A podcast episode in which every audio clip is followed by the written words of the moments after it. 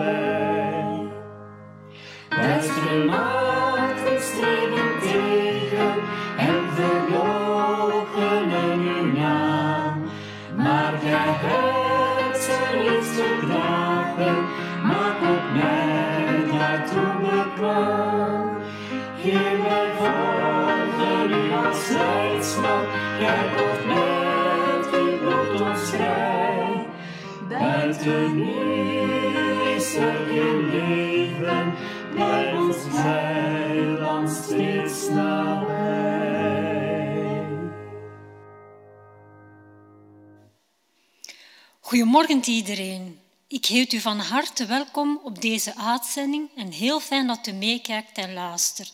Het is ook leuk dat wij welkom mogen zijn bij u thuis. Ik heb een reeks aankondigingen voor jullie. Het afgelopen jaar hebben helaas heel weinig activiteiten voor onze kinderen kunnen plaatsvinden.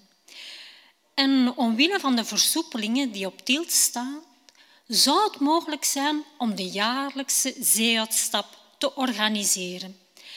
En deze zou plaatsvinden op 26 juni.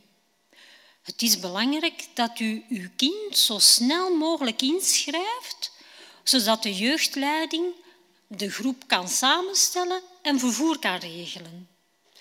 We hopen natuurlijk dat het aantal COVID-besmettingen blijft dalen, zodat onze kinderen samen kunnen genieten van deze uitstap. Als ouder krijgt u meer informatie via mail of kan u ook steeds verkrijgen via de jeugdleiding. Nu, de overheid heeft die versoepelingen aangekondigd, indien natuurlijk de cijfers van het aantal besmettingen blijft dalen. En dat is goed nieuws. Dit betekent dat we terug zouden kunnen samenkomen in dit kerkgebouw. Nu, hoe we dit concreet zullen aanpakken, zullen we in de komende weken moeten afwachten. De overheid zal namelijk protocollen uitschrijven en vervolgens zullen we bekijken hoe en wanneer we onze deuren terug kunnen openen, zodat we hier samen eredienst kunnen houden. We houden u natuurlijk op de hoogte en hopen dat we elkaar hier snel kunnen weerzien. Ik zal zeggen, houd moed en het komt goed. Vervolgens heb ik ook goed nieuws over Simon Schrol. Zij herstelt goed en is reeds thuis. En daar kan ze verder revalideren in de nabijheid van haar familie. Laten we allen gedenken in onze gebeden. Dan wens ik alvast een gezegende Sabbat. En dan wil ik de eredienst openen met het voorlezen van een Bijbeltekst, een psalm. De Heer is vol vergeving. Mild is Hij, geduldig. Zijn liefde is groot. De Heer is goed voor iedereen. Voor al zijn schepsels is Hij mild. Heel uw schepping brengt u dank, Heer. Ook uw trouwe dieners danken u. Zij zullen spreken over u, over uw wereldwijd koningschap. Vertellen van uw machtige daden, om alle mensen uw macht bekend te maken. Uw grote luister, uw groot koningschap. U bent koning voor alle eeuwen. U heerst van geslacht op geslacht. Op wat de Heer zegt, kan men vertrouwen. Uit alles wat Hij doet, blijkt Zijn liefde. Alles wat de Heer doet, is rechtvaardig. Uit alles blijkt Zijn liefde. Ik zal altijd de lof van de Heer zingen. Laat alles wat leeft Hem danken. Altijd en altijd. Hem, de Heilige Heer. Zullen we samen ons hoofd bouwen voor het gebed. Ja, lieve Vader in de hemel, u bent groot, u bent machtig en krachtig. U bent schepper van hemel en aarde, mens en dier. En we danken dat wij u mogen eren, want u bent onze enige grote God. Vader, wees ons nabij. Ook vandaag op deze Sabbat, dat we tot rust kunnen komen van de werken die we in de week doen, kunnen we nog dichter bij u vertoeven, uw liefde nog meer voelen en nog meer in uw woord leren, zodat we kunnen begrijpen wat u van ons wilt en wat u van ons verlangt. Vader, en we zijn dankbaar dat u door uw zoon Jezus hebt getoond hoe wij kunnen leven met u en met elkaar. En dat u ook uw Heilige Geest stuurt. Vader, ik wil vandaag vragen dat u als eergast in ons midden vertoeft, hier in het kerkgebouw, maar ook bij de mensen thuis. Vader, wilt u ook de woorden die Frank zo dadelijk voor de overdenking zal spreken, wilt u hem zegenen, dat die woorden ons kunnen raken, ons blij kunnen maken en ons inspireren, maar vooral nog dichter bij u brengen. Vader, we danken u dat u ons steeds nabij bent, dat wij u mogen vertrouwen. En daarom vragen wij, gebruik ons daar waar het nodig is. En help ons in te zien waar dat hulp dringend nodig is. Vader, ik wil ook bidden voor alle mensen, jong en oud, gezond en ziek, Vader. U kent de problemen, verlicht iedereen, Vader, dat zij nog dichter uw liefde mogen voelen. Vader, ik bid ook dat wij klaarstaan voor elke dag tijd met u door te brengen, zodat wij die relatie hechter kunnen maken. Vader, zegen ook straks de gelden die worden verzameld, zodat ze mogen gebruikt worden daar waar het nodig is. Dank u voor al uw zegeningen, voor uw kracht en dat u zoveel om ons geeft. Dit alles bid ik in Jezus' naam en uit liefde voor u. Amen.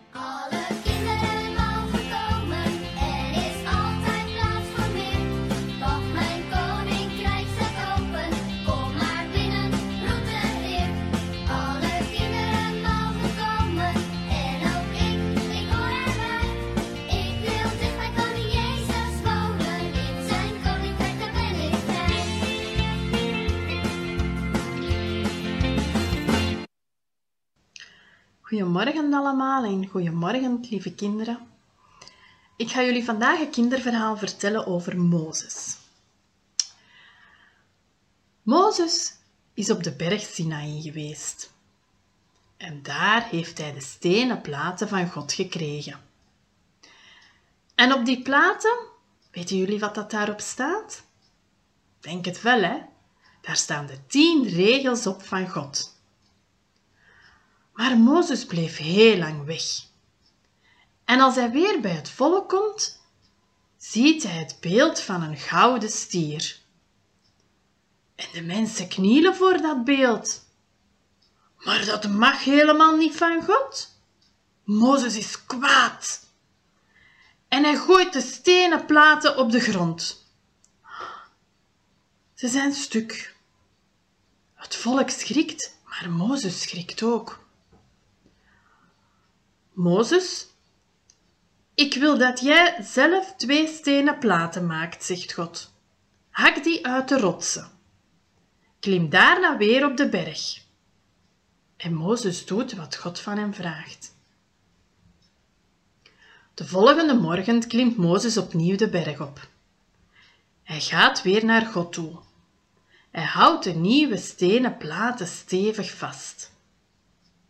Boven op de berg zegt God: Mozes, schrijf nu de tien regels op de twee stenen platen. Geef dan de twee stenen met die regels aan de mensen. En dat doet Mozes. God zegt ook tegen Mozes: Jullie wonen in tenten, maar ik wil heel graag bij jullie wonen, ook in een tent. En dan spreek ik niet meer met jou op de berg, maar dan kom jij bij mij in de tent en dan spreek ik daar met jou in de tent. En God laat Mozes een tekening zien. Kijk, zo moeten jullie mijn tent maken. Mijn tent die moet precies worden zoals hier op deze tekening. De tent moet van stof zijn en het dak moet van leer zijn. Dan blijft het lekker droog als het regent. En ik wil ook graag meubels in mijn tent. Ik wil dat jullie een grote houten kist maken met een laag goud aan de binnenkant en een laag goud aan de buitenkant. En de kist, dat wordt mijn troon. En de twee stenen platen, die moet je in de kist leggen. En bovenop de kist, daar maak je een deksel. En het deksel, dat moet helemaal van goud zijn. En op het deksel zet je dan twee bewakers. En die mogen ook in goud zijn. En zij moeten mijn troon bewaken. En de kist die zet je in mijn tent achter een groot gordijn. En de plek achter het gordijn is de heiligste plek. Dat is de heiligste kamer. En dat wordt mijn kamer in de tent, zegt God. En de ruimte voor het gordijn wordt de kamer voor de priesters en de kamer heet de heilige kamer. Laat ook een tafel maken om, in die heilige kamer te zetten. En elke dag van de week moet je twaalf broden op de tafel leggen. En die broden moet je maken zonder gist. En de priesters die mogen dan die broden opeten. Tegenover de tafel zet je een grote kandelaar. Die moet helemaal van goud zijn. De kandelaar moet 30 kilo wegen. En de kandelaar moet zeven armen hebben. En zeven lampen. Drie lampen aan de ene kant, drie lampen aan de andere kant en één lamp in het midden. En die lampen, die moeten altijd branden, dag en nacht. Laat ook nog een kleine tafel maken. Leg daar kruiden op die heerlijk ruiken. Dan ruikt het lekker in de kamer van de priesters, zegt God. En buiten? Hmm, buiten moeten jullie nog een hele grote tafel maken. Een altaar voor de offers. Daarnaast zet je een grote bak met water. In die bak moeten de priesters hun handen en hun voeten wassen. Dat moeten ze doen voordat ze de tent van God binnengaan. Je moet aan de mensen vragen of ze cadeaus willen geven voor mijn tent edelstenen, goud, zilver, koper, hout, leer, een stukje stof, olie, olie voor in de lampen en kruiden die daar heerlijk ruiken, zegt God. Nu weet Mozes precies wat hij moet doen. Hij draait de berg weer af naar beneden en gaat terug naar het tentenkamp. Aaron, Aaron, roep de mensen eens bij elkaar, zegt Mozes. Ik ga vertellen wat God verteld heeft tegen mij. En alle Israëlieten komen luisteren. God heeft gezegd dat hij graag bij ons wil wonen, zegt Mozes. En daarom moeten wij een tent voor hem maken. En we hebben heel veel spullen nodig om die tent te maken. Ook hebben we spullen nodig om meubels te maken en om kleren te maken voor de priesters. Gaan jullie maar allemaal eens in jullie tent kijken en kijk eens of dat jullie spullen hebben die jullie kunnen geven daarvoor. Wat fijn, roepen de mensen. Oh, dat vind ik echt tof. En de mensen die gaan allemaal kijken en die gaan zoeken of dat ze iets vinden. Dat is geweldig, zegt Mozes. Nu hebben we genoeg spullen. Nu kunnen we de tent van God maken. Mozes kiest mensen uit die de tent kunnen maken. Natuurlijk moeten dat wel een beetje vakmensen zijn. En mensen die dan meubels kunnen maken, dat moeten ook een beetje vakmensen zijn.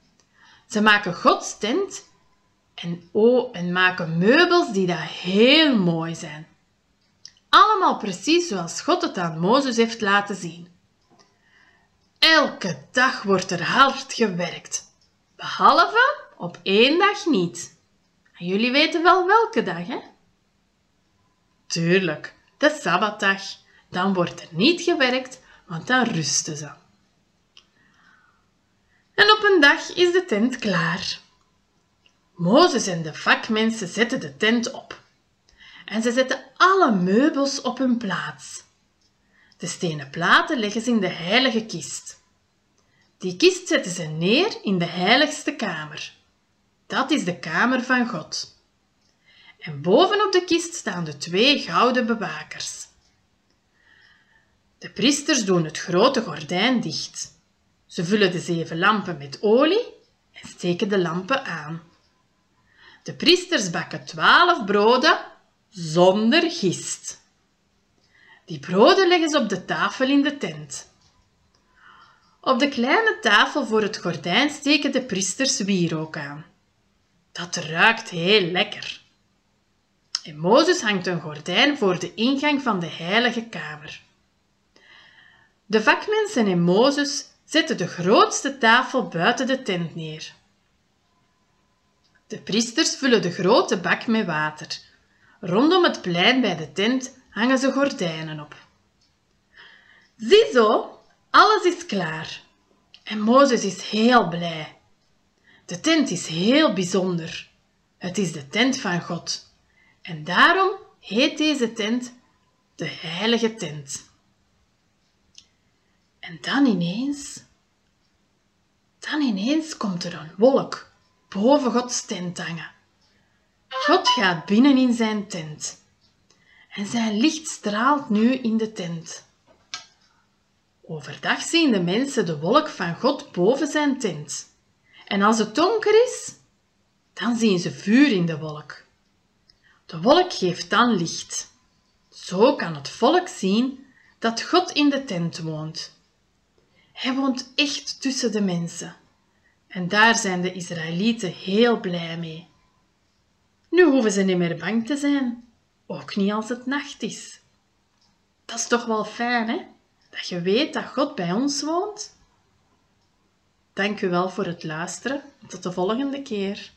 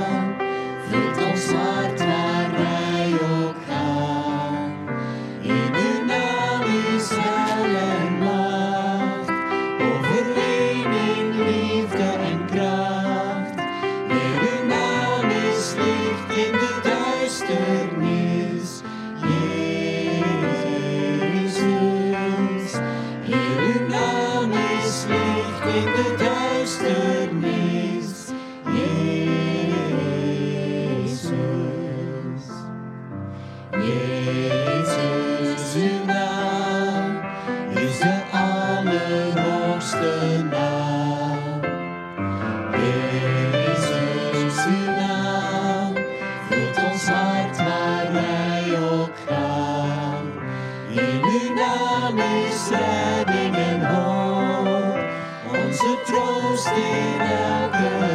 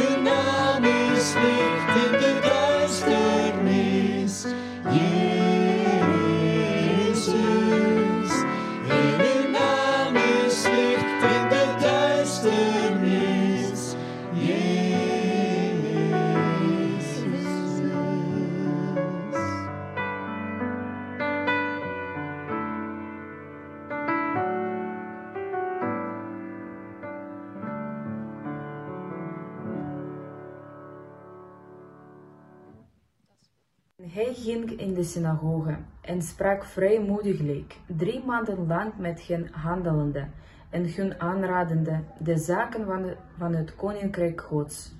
Maar als sommigen verhard werden en ongehoorzaam waren, kwaad sprekende van de weg des Heren voor de menigte, week hij van hen en scheidde de discipelen af, dagelijks handelende in de school van zekere Tyrannus. En dit geschiedde twee jaren lang, alzodat allen die in Azië woonden het woord van de Heere Jezus hoorden, bij de Joden en Grieken. En God deed ongewone krachten door de handen van Paulus, alzodat ook van zijn lijf op de kranken gedragen werden de zweetdoeken of gordeldoeken, en dat de ziekten van hen weken en de boze geesten van hen uitvoeren. En sommigen van de omzwervende Joden, zeiden duivelbezweerders, hebben zich eh, onderworpen de naam van de Heer Jezus te noemen over eh, degenen die boze geesten hadden, zeggende, wij bezweren u bij Jezus, die Paulus predikt. Deze, deze nu waren zeker zeven zonen van Seva, en Joodse overpriester die dit deden. Maar de boze geest antwoordde, Jezus, eh, zeide, Jezus ken ik, en Paulus weet ik, maar uh, gij linde, wie zijt gij?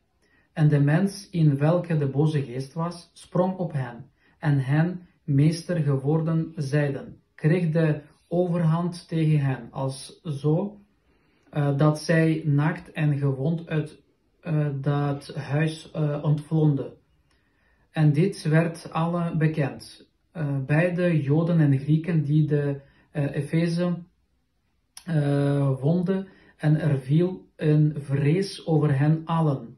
En de naam van de Heer Jezus werd groot gemaakt.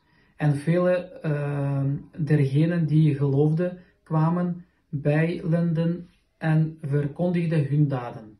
Velen ook dergenen die ijdele kunsten gepleegd hadden brachten de boeken bijeen en ver, uh, verbrandden ze in aller uh, tegenwoordigheid en uh, berekenden de waarde derzelve en bevonden vijftigduizend zilveren penningen.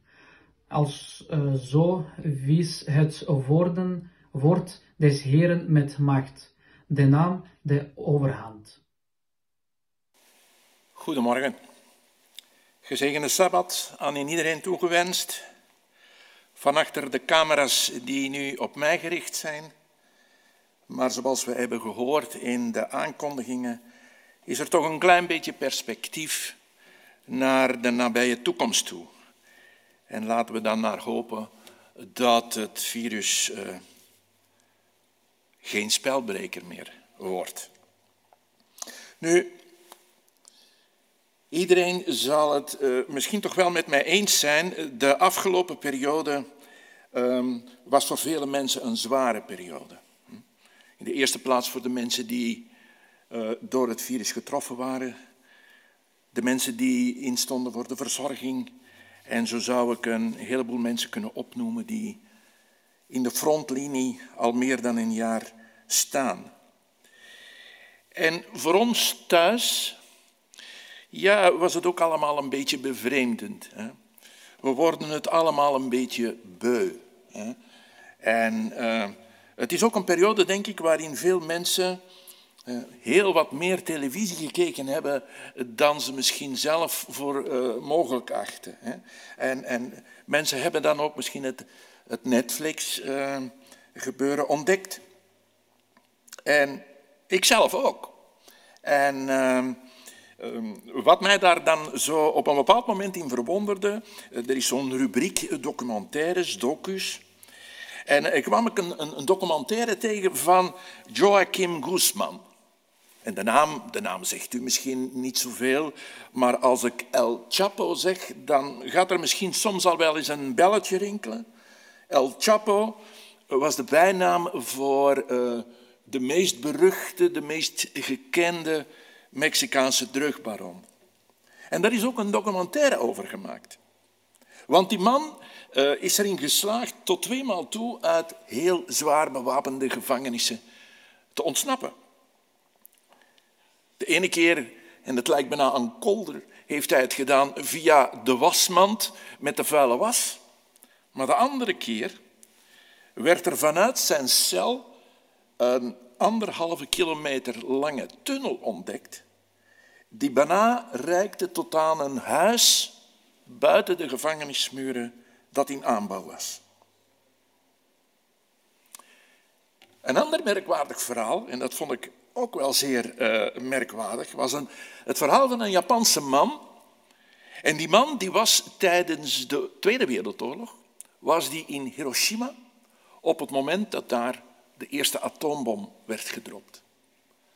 Die man overleefde, die vluchtte, ontvluchtte de stad, vluchtte naar de stad Nagasaki, om daar te vertoeven op het moment dat de tweede atoombom viel op Nagasaki. En weer overleefde de man het, want hij heeft het kunnen navertellen en men heeft er een docu van gemaakt. Nu, waarom vertel ik dat? Wel, dat was voor mij een beetje een, een, een inleiding om, omdat ik soms in de Bijbel lees en dan ontdek ik daar soms verhalen, die ik misschien al meerdere keren heb gelezen, waar mijn oog dan plots opvalt van, het is zo'n beetje een vreemd verhaal. En er is een klein stukje uit voorgelezen, uit Handelingen 19. Een beetje een vreemd verhaal. En dan, dan wil ik altijd weten, waarom staat dit in de schrift? Wat heb ik aan zo'n vreemd, bizar, toch wel een beetje gek verhaal?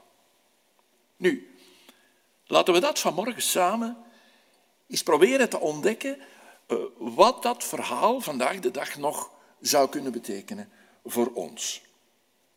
En in een ruimer kader zou ik willen vragen, of zou ik willen nadenken samen met u, dat uh, de boodschap van God, het evangelie, die blijde boodschap, wat die in een stad als Efeze, want daar spelen deze feiten zich af, Efeze, dat toch gekend was voor zijn politieke, voor zijn economische macht, maar ook voor zijn religieuze macht. Wat kan dat betekenen? Wanneer iemand zoals Paulus en anderen in Efeze gaan brengen aan Gods boodschap in een stad die bol staat van politieke, economische en religieuze intriges?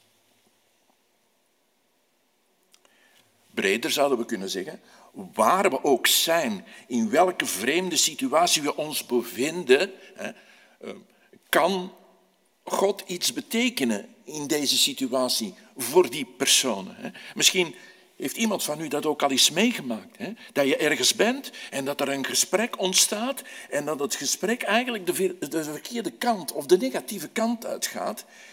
En dat je dan zo twijfelt van, ja, ga ik hier nu wel Gods woord kunnen brengen? Ga ik er iets kunnen tussengooien dat eigenlijk de zaak misschien kan ontdooien of misschien nog meer uh, erger kan maken? Laat ons vanmorgen dit, ik, ik noem het met alle respect een gek verhaal, eh, laten we dat eens van naderbij bekijken. En, en, en dan, dan denk ik dat we daar een aantal lessen kunnen uithalen.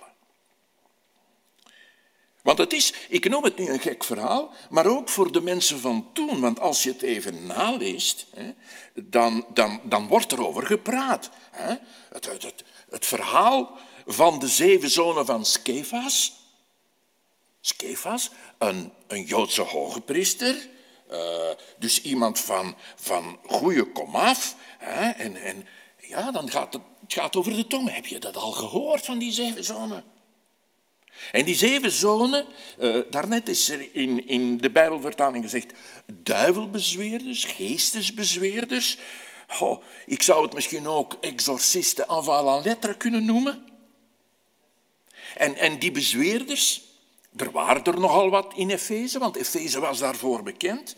Wel, die hadden een, een, een, een heel gamma, een heel arsenaal van namen, van, van bezweringsformules om kwade geesten uit te drijven. En die zeven zonen, wel, die hebben gehoord van Paulus. En die hebben gehoord dat er wonderen geschieden via hem door de naam van Jezus.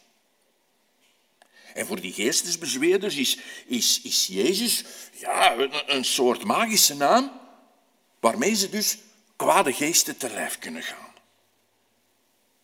Dat denken ze. Maar het loopt mis.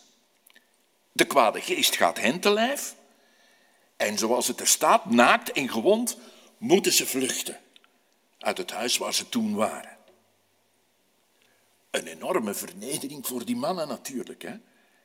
En ook in de stad maakt het voorval indruk. Efeze, ik heb ooit het geluk gehad om de ruïnes van Efeze te bezoeken. Eh, ik kan, wanneer straks uh, reizen weer mag en kan, uh, vind ik dat een aanrader. Wanneer je daar tussen die ruïnes wandelt. Hè, er is nog een heel groot stuk van de voorgevel van de bibliotheek bewaard. Die grote laan met aan de zijkanten die ja, omvergevallen pilaren waar dan al die goden op stonden, met dan ook een beeld van de onbekende God, zoals dat ook in uh, de schrift wordt verteld. Dus de Efeze was een, een, een, een aanbiddingsstad, eh, zou ik het willen noemen, waar Artemis, hè, ehm, de Artemisverering heel goed en uh, diep werd uh, gepredikt. En het maakt indruk dat de naam van Jezus zich kennelijk niet zomaar laat gebruiken. De naam van Jezus en ook zijn boodschap stijgt daardoor bij de, bij de, bij de mensen. De achting voor datgene wat, wat Paulus daar gebracht heeft en wat het ook teweeggebracht heeft bij die bezweerders, wel, daardoor stijgt dat in de achting van de mensen. Ik weet zelf niet uh, wie er allemaal vandaag kijkt uh, of, of, of wat u denkt over exorcisme. Ik weet niet of iemand aan de andere kant van de camera uh, die nu meeluistert en meekijkt, al eens een ervaring heeft gehad met kwade geesten. Zich misschien vroeger met occulte praktijken heeft beziggehouden of met een of andere demonische activiteit. Ik weet het niet. Ik hoop het eerlijk gezegd van niet. Ik heb aan mijn lijve ondervonden, toen ik in de jaren negentig had ik mij verdiept in de New Age cultuur. Dat was iets dat opkwam, dat was iets dat onbekend was, dat was onbemind en dat was iets dat zich overal manifesteerde. Niet alleen in religie, maar dat, dat nestelde zich ook in de politiek, in de economie en, en dat trok een beetje mijn aandacht. Maar ik kan niet gerust zeggen dat de, de ervaring van toen mij vandaag doet zeggen, uh, onderschat het niet. Er gebeuren vandaag de dag nog steeds dingen die niet te verklaren zijn. En ik merk ook, wanneer ik het onderwerp zo eens ter sprake breng, dat christenen daar niet zo graag over spreken. Ik heb ook al eens een poging gedaan bij verschillende predikanten, maar het is een, het is een not done onderwerp. Nu, een les die ik zou willen trekken uit het verhaal van deze morgen is dat wij als gewone mensen dit, eh, deze krachten, deze machten niet zomaar aankunnen. Dat we nooit moeten experimenteren met zulke zaken. Want de boze geest uit, uit, uit dit verhaal verslaat via één man de zeven zonen van Skefas. En wat zegt het verhaal mij daarbij nog? Dat je de naam van Jezus niet zomaar kunt gebruiken als een soort magische truc om onzichtbare machten te kunnen verslaan. Geloof in Jezus, lieve mensen, dat is geen magie, dat is geen hocus pocus. Ons geloof in Jezus is ook geen middel om de dingen naar ons hand te zetten. Niet een soort, het is misschien een wat zwaar woord, machtsmiddel om, om de dingen naar je hand te zetten, om, om, om je doel te bereiken.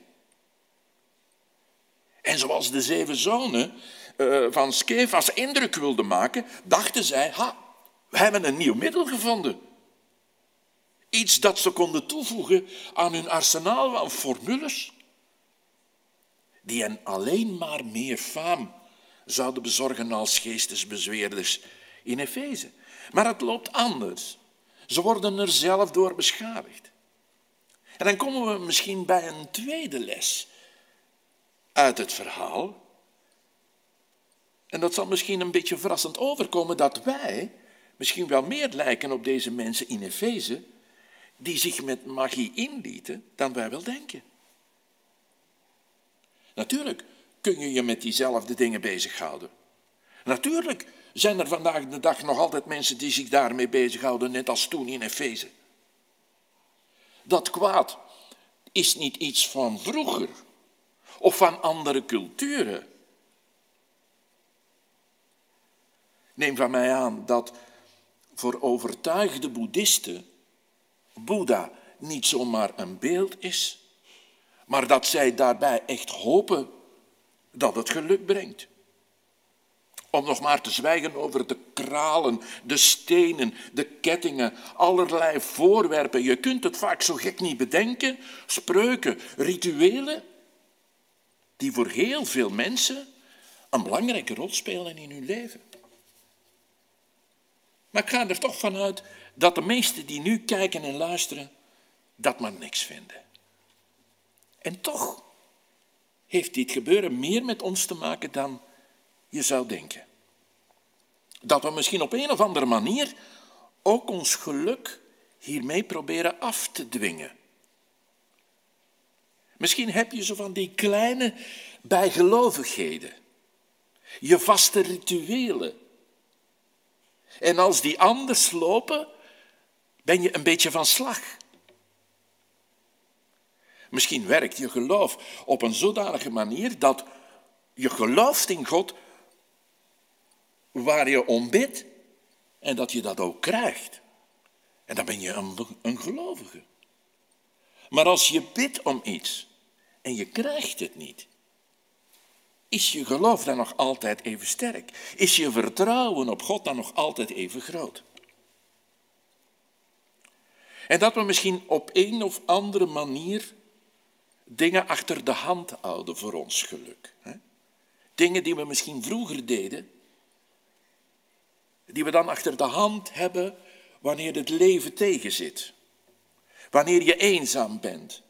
En dat je daar dan naar teruggrijpt om je weer gelukkig te voelen. Ik weet het niet.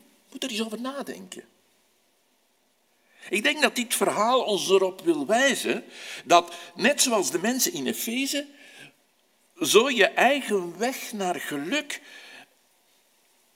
kunt hebben, een beetje manipulerend je geluk probeert af te dwingen.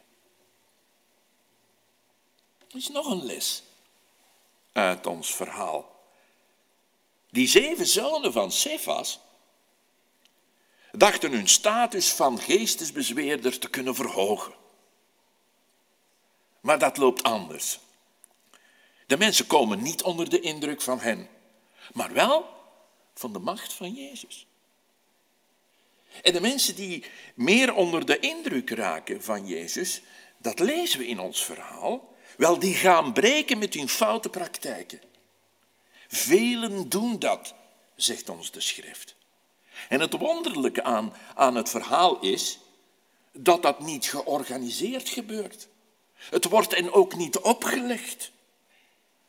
Vrijwillig, spontaan komen die nieuwe gelovigen tot het besef dat wat ze gedaan hadden of deden, dat dat verkeerd was. Juist op het terrein van die occulte praktijken. Iets waar Efeze voor gekend was, waar Efeze zo prat op ging. En dan zien we dat dat, dat dat breken met die foute dingen, wel dat gebeurt in twee stappen. Dat gebeurt niet plotsklaps, maar dat gebeurt in een weloverwogen stappenplan. Want allereerst gaan ze opbichten wat ze fout deden. Ze beleiden hun schuld. Ze worden open over hun duistere praktijken. Open worden, lieve mensen, is altijd de eerste stap. Breng het aan het licht. Vertel het iemand. Dat is de eerste stap naar vrijheid. En de tweede stap is dan logisch dat je de foute dingen wegdoet. De verleiding bestaat altijd dat je gaat denken, ach, het is allemaal toch niet zo erg. Ik doe er niet veel niet meer mee. Misschien brengt het mij af en toe toch wel wat op. Nee. Gewoon wegdoen, zoals de mensen in Efeze. Gewoon wegdoen als het voor jou slecht is, wel dan is het ook slecht voor een ander. Misschien heb je zelf nog wat dingen achter de hand, dingen waarvan je wel weet dat ze niet kloppen, maar waar, waarvan je geen afstand kunt doen. Het voelt toch een beetje een kortere weg naar het geluk. Misschien staan er in je bibliotheek een aantal foute boeken, noem ik het dan zomaar. Misschien heb je hier en daar verborgen tussen je boekenrij nog een bepaalde dvd waar je vroeger al eens naar keek en waar je best niet meer naar kijkt. Of die verzameling cd's die je nog hebt met heel wat duistere muziek op, die je niet wil wegdoen omdat je er toch zoveel voor betaald hebt. Gooi het weg, lieve mensen. Gooi het weg. Kuis je pc op. Kuis je smartphone op. Kuis je iPad op. Is er een app die je op verkeerde gedachten kan brengen? Gooi hem maar af. Kan je niet van de drank afblijven? Doe het allemaal weg. En zeg in alle eerlijkheid dat je een probleem hebt. We gaan terug naar ons verhaal. Die nieuwe gelovigen, zoals ze worden genoemd, die beseften opeens dat ze hun band met Jezus niet in gevaar wilden brengen. En ze kwamen door dat ja, toch wel bizarre verhaal met die zonen van Skefas alleen maar meer onder de indruk van de macht en de kracht van Jezus. En de dingen die in strijd waren met Jezus, die hen van hem afhielden, in hun geval die magische en die occulte zaken. In ons geval zijn dat misschien andere dingen. Wel, ze braken ermee. En dan merk je toch plotseling dat zo'n wat vreemd verhaaltje dat daar uh, niet op het einde van uh, het boek Handelingen, maar zo'n beetje halverwege, dat dat toch wel heel wat kan betekenen, ook voor ons vandaag de dag. Want wat zegt het verhaal tot hiertoe naar ons toe? Dat we zeker niet moeten experimenteren of gaan experimenteren met, met duistere zaken. Voor je het beseft, raak je helemaal beschadigd. Dat ook wij, net als de mensen toen, zaken kunnen hebben, bewust of onbewust, die voor ons werken als een soort magie, om ons geluk af te dwingen, om, te, om ons te beschermen en zo meer. Wat leert het verhaal vandaag de dag ons nog? Dat we schoon schip moeten maken. Dat we de rommel in ons leven moeten wegdoen. Maar er is nog een les. In het begin haalde ik aan dat, dat het verhaal van, van uh, Handelingen 19, dat we dat eigenlijk moeten opentrekken, dat we dat in een breder kader moeten zien. Hè? Dat we dat moeten, moeten, moeten beschouwen als waar zit nu werkelijke kracht. In Efeze, een stad, een sterke stad, gunstig gelegen aan diverse handelsroutes, een bolwerk van politieke, van economische, van religieuze, ja zelfs van occulte machten. En daar kan dan dat evangelie, die boodschap van Jezus Christus, dat woord van God, kan daar toch nog iets betekenen. En het blijkt zo. Het verhaal laat ons dat zien. Want als we, als we het verhaal er nog even bij nemen, dan staat er bijvoorbeeld in, in versje 11, door Gods toedoen verrichtte Paulus buitengewoon grote, grote wonderen. Er worden heel wat zaken gedaan. Mensen zijn verwonderd over datgene wat Paulus door God bij deze mensen bereikt. Mensen worden door Gods toedoen genezen. En de zonen van Skefas, die wat proberen te manipuleren met de naam van Jezus, ondergaan een vernedering. En die vernedering, die gaat door heel de stad. Heel de stad praat erover. Zeg, heb je dat gehoord? En ze zien ook dat die nieuwe gelovigen diepgaand veranderen. Al die occulte boeken worden op de brandstapel gegooid. Hun geloof is niet iets privé, niet iets van binnen, iets waar ze een fijn gevoel bij krijgen. Nee, ze veranderen en dat veranderen mag wat kosten. Oude gewoonten, oude praktijken worden gestopt en ze slagen een nieuwe weg in in hun leven. Gods woord zegeviert. Gods woord zegevierde daar in, in Efeze. En het werd steeds krachtiger. En het is vandaag de dag nog altijd krachtiger en krachtiger. En daar zit eigenlijk het grote geheim van Gods woord. In Gods woord zit kracht, lieve mensen. En bij dat woord, ja, dan denken wij automatisch aan de Bijbel.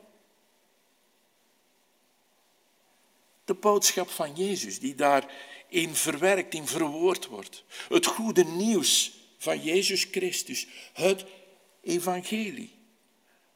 En dat evangelie blijkt kracht te hebben in Efeze. Het heeft er een enorme impact en het leidt tot een radicale gedragsverandering. De voorbije maanden, het voorbije jaar zelfs, in volle coronatijd hebben we, spijtig genoeg moet ik zeggen, gezien dat gedrag zich helemaal niet gemakkelijk laat veranderen. We hebben vaak de woorden van de virologen gehoord, die dan vertaald werden door de mensen uit eh, de regering, en die hadden niet altijd het gewenste effect. Enkel wanneer er strenger werd toegezien, wanneer er strenger werd gecontroleerd en de boetes navenant waren, ja, dan zag je in een korte periode wat verbetering.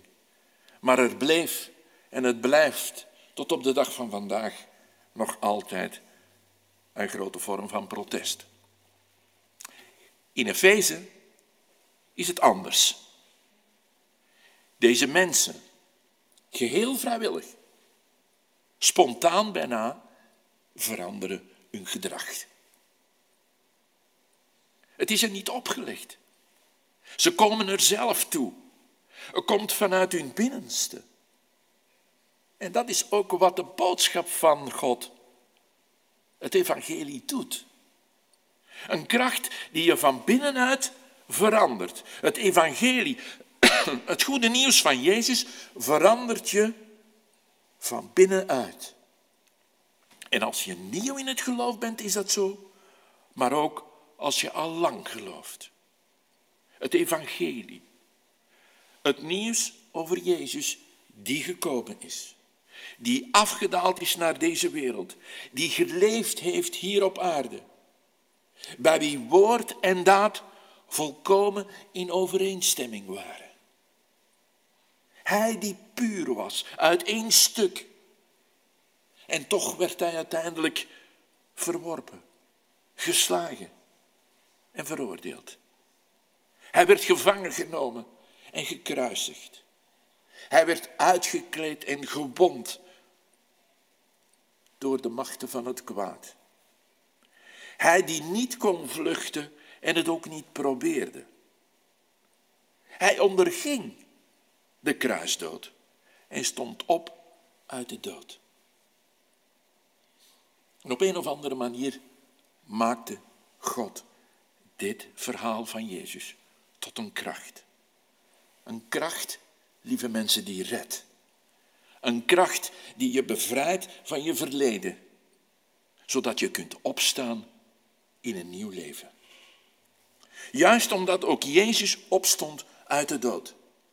En zo krijg je inzicht op het kwaad waardoor je nederiger wordt. Je gaat op niemand neerkijken. Het geeft kracht om te geven en lief te hebben zonder aanzien des persoons, zegt ons de schrift. En als je die boodschap van God, zijn komst, zijn leven, zijn woorden, zijn daden, zijn sterven, zijn opstanding, wel als je dat allemaal begrijpt, hoeveel te meer je onder de indruk komt, je de verborgen schoonheden ervan ontdekt. Hoe rapper, hoe sneller je breekt met alles wat je van hem weghaalt.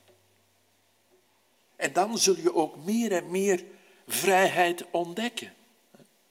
Vrijheid, het woord dat zo vaak over de mensen hun lippen gaat vandaag de dag. Mensen snakken naar vrijheid. Wel, ware vrijheid vinden wij in Jezus. Lieve mensen, ik weet niet waar jullie je kracht zoeken. Misschien is dat in geld, misschien is dat in controle en macht, misschien is dat je werk, je uiterlijk, je successen die je had in het verleden. Allemaal dingen die min of meer in een bepaalde mate ook gekend waren in Efeze. Maar die niet konden geven wat de boodschap van de Heere God wel kan. Het is ook daarom dat, dat uh, Paulus in zijn brief die hij schrijft aan de Efeziërs, in het laatste hoofdstuk, in het, in het hoofdstuk uh, eh, 6 van de brief aan de Efeziërs, in vers 10 het volgende zegt. Ten slotte, wanneer hij eindigt, zegt hij, zoek uw kracht in de Heer, in de kracht van zijn macht. En dat is uiteindelijk ook de boodschap die in ons verhaal van Handelingen 19 te vatten is. Laat je in met de boodschap van de Heer, want er zit een kracht in die geneest en die verandert. Die je van binnenuit verandert. Die grote schoonmaak vraagt, die je geld kan kosten, maar die je meer en meer laat kiezen voor het goede. En dan zijn we bij die dingen die bij jou en bij mij kunnen veranderen. Dingen die de kracht van het evangelie kan uitwerken. En als we moeten besluiten, wel, dan zijn er twee dingen die we kunnen halen uit dit verhaal in Handelingen 19. Namelijk het goede komt, het kwade dat weggaat. In dit verhaal brengt de boodschap van de Heer goede dingen, zoals genezing, zoals vrijheid en geloof. En het kwade, het kwade verliest terrein, omdat het evangelie kwade geesten verslaat. Kwade praktijken doet stoppen en kwaad materiaal verbrand wordt. Lieve mensen, het goede komt, het kwade gaat. Want dat is wat het woord van God bij in ieder van ons uitwerkt. En daar word je als individu beter van, maar ook als gemeenschap. In Efeze wordt iets openbaars, wordt iets publiekelijk. Zelfs de hele provincie hoort van de boodschap, want het is een boodschap voor iedereen. En een boodschap die gemeenschap, die gemeenschappen, die zelfs steden wil veranderen. En mede daarom dat ook Paulus ook sprak in de school van Tyrannus. Dat was een publieke plek waar hij de boodschap kon delen. En de schrift zegt ons dat hij daar twee jaar verbleef. Niet enkel individuen, ook gemeenschappen, steden, een ganse samenleving kan veranderen door de boodschap van God. Want God wil dat het goede komt en het kwade weggaat. Laten we het zien. Laten we het zien, lieve mensen, als een uitdaging. En daarmee wil ik ook eindigen. Om die boodschap van God, dat goede nieuws van Jezus Christus, dieper en dieper te laten doordringen in ons leven. Laten we het opnemen in ons hart, het ons toe-eigenen, het, om, het omarmen. En dan gaat het kwade en komt het goede. Amen.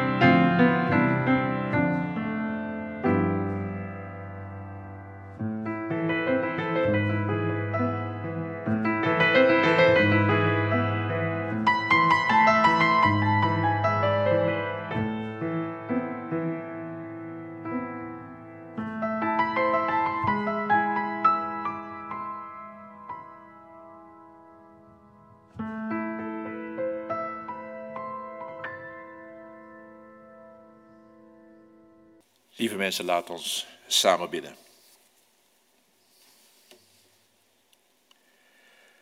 Mogen God ons zegenen over onrust, gemakkelijke antwoorden, halve waarheden en oppervlakkige relaties, zodat er diepgang zal zijn in onze harten.